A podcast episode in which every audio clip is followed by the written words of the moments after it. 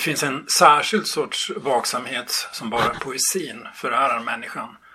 En vaksamhet inför nya inslag och en beredskap för hur dessa ska mottas. Den som läser poesi upptäcker snart att det är en genre som inte gärna vill kategoriseras. Den beter sig lite som den vill, söker sig mot nya uttryckssätt hela tiden.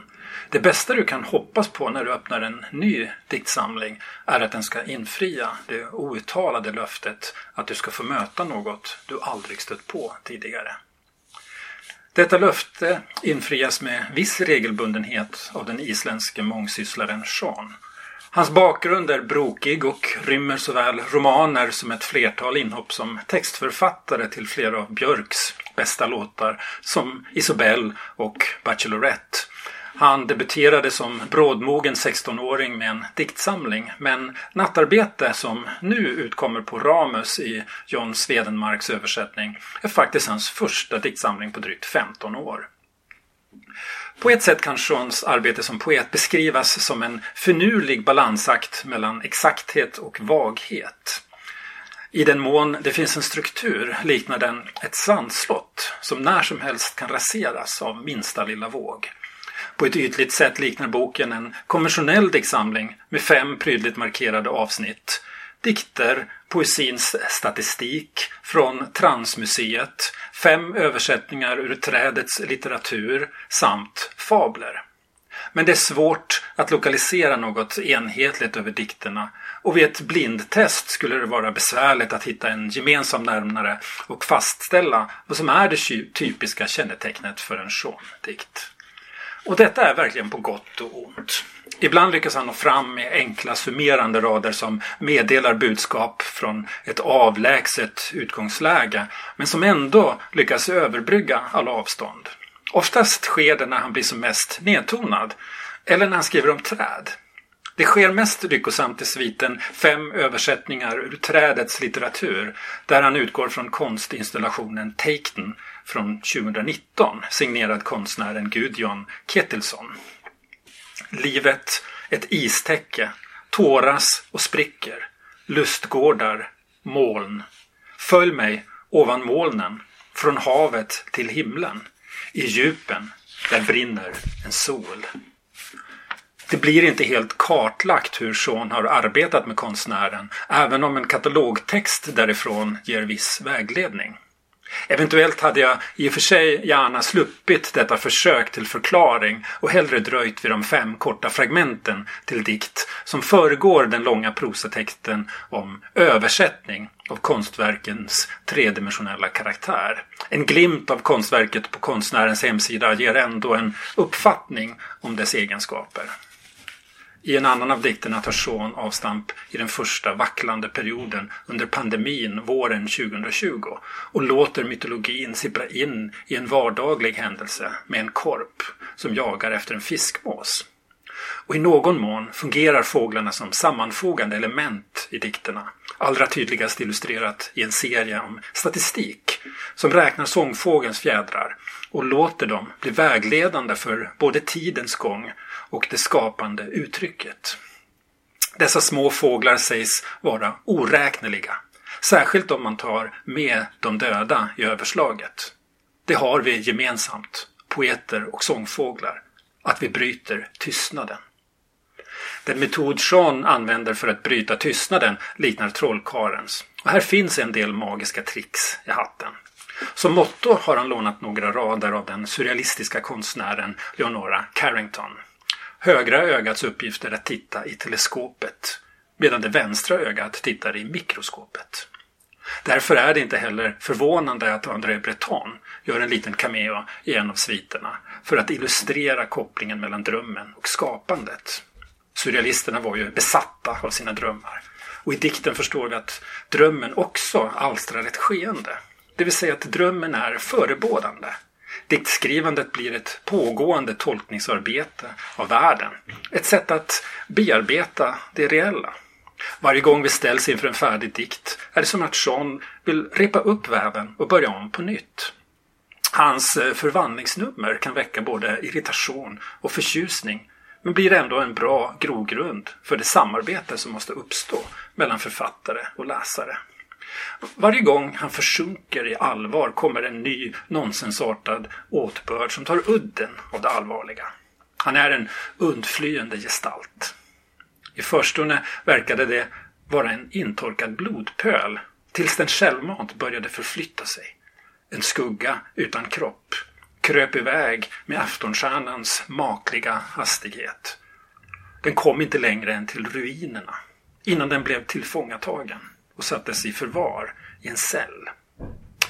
I sin syn på exakthet anlitar Jean Italo Calvinos bok Sex punkter inför nästa årtusende som samlar de föreläsningar Calvino planerade hålla i USA men som hejdades av hans dödsfall. I föreläsningen om exakthet ifrågasätter Calvino den ingenjörsliknande exakthet som ställs upp av Paul Valéry och Edgar Allan Poe och menar att författaren måste tillåta sig ett inslag av lekfullhet och slump. Ordet förbinder det synliga spåret med det osynliga föremålet, med det frånvarande, det åtrådda och det fruktade objektet. Likt en ranglig provisorisk bro över tomhetens djup. Översättning Sven-Åke Hed. Det är ett resonemang som passar Sean bra och han utnyttjar de förbindelser som möjliggörs mellan vaksamhet och avslappning. Sean iakttar världen. Därför är det inte förvånande att han också skriver in sig i ekfrasens tradition. Hans val av motiv är dock mindre förutsägbart då han i en av sviterna gör en lång utläggning på prosa av ett av Iron Maidens skivomslag, The Number of the Beast, från 1982. En nitisk studie av originalet skulle nog hävda att Seans arbete illustrerar mer av ingenjörens exakthet än av Calvinus lekfulla exakthet. Med andra ord är den lite för precis, lite för långrandig i sin redovisande plikt. Jävlar med vingar av läder tjänstgör på dessa undergångens åkrar. De kastar sig ner över massorna och de som försöker fly läggs tillbaka på kasen. Men över alltsammans står jätten Eddie bredbent. Den gråvita kalufsen faller ner på axlarna. Den halvt förruttnade och förtorkade kroppen är klädd i jeans och vit t-shirt. På det likstela ansiktet leker ett skräckenjagande leende. Tungan har skrumpnat inuti munnen. Men i de tomma ögonhålorna gryr elden som skapade helvetet vid hans fötter. Det är lågan som mörknar i gigantens vänstra hand. Själva budskapet att bli reducerad till en marionett blir en förenkling av konstnärens roll i ett marknadssamhälle. På Iron Maidens omslag ser vi maskoten Eddie som drar i djävulens trådar och får den att sprattla som han vill. Men twisten är att djävulen i sin tur har sina trådar till en miniversion av Eddie.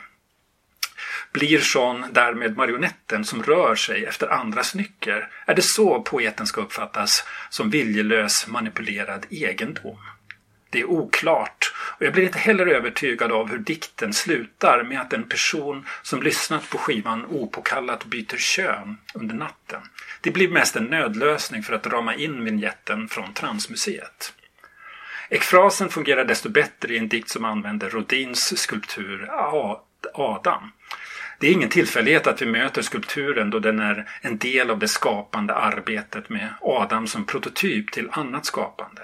Seans läsning är på ett plan helt alldaglig med sin obligatoriska jämförelse mellan Adams pekfinger och Guds pekfinger i Michelangelos takmålning i Sixtinska kapellet. Men i dikten finns också den typ av iakttagelser som bara finns i poesin. Med Adams kluvna känslor inför att ges liv. Känslor som nog var och en som läser dikten kan instämma i. Då blir Seans dikt plötsligt livsviktig när han gör sig kvitt tvånget att ge ingenjörens version och låter poeten få det sista ordet i inkännande bilder som eliminerar avstånden mellan människor. Han är redan utmattad av att stå upprätt. Längtansfullt betraktar hans blick mullen, där han alldeles nyss befann sig. Livslågan blir varken starkare eller svagare. Den avtar och pågår samtidigt. För så borde det väl ändå vara i en diktsamling, att poeten ges sista ordet. Tyvärr faller Sean lite för ofta för frestelsen att bli både yster och yvig. Diktsamlingen spretar i lite för många riktningar. Det saknas inte starka intryck, bilder som dröjer sig kvar, ordet skugga, en skugga av en skugga. Men gång på gång möts jag av en förkärlek för vitsiga gåtor och poänglösa reflektioner. Den infallsrikedom som går att uppfatta som innovativ och fräsch kan inte låta bli att uppfattas som tröttsam och på gränsen till tramsig. Och jag känner mig påmind att rörlighet och rörighet är farligt besläktade begrepp. När vi läggs till den sista vilan tar skuggan sig en tupplur bredvid oss. Lika förnöjd med att bli till ingenting som den dag vi föddes. Mer imponeras jag däremot av hur Sean hela tiden har det ena benet i luften, alltid på väg någonstans. Att, att utrusta sig med rastlöshet är en bra förutsättning för att skapa dikt. Och det är utöver de lite för korta trädikterna i just det rastlösa jag finner största utbytet och behållningen med den här boken. Han blir allt mindre konventionell ju mer han lättar från marken oavsett om man gör det med hjälp av flygplan, som i titeldikten, eller genom att fåglarna dominerar utrymmet. Det blir ändå svårt att plocka ut enskildheter för att göra boken rättvisa eller för att påvisa Seans unika egenskaper. Allt blir en förminskning. Efter att ha uppdagat ett genomgående förvandlingstema genom dikterna blir det naturligt att den avslutande delen, Fabler, infriar de löften om förvandling som legat oförlösta genom samlingen. Det utmynnar också i en slutsats som balanserar mellan det vemodiga och det anklagande.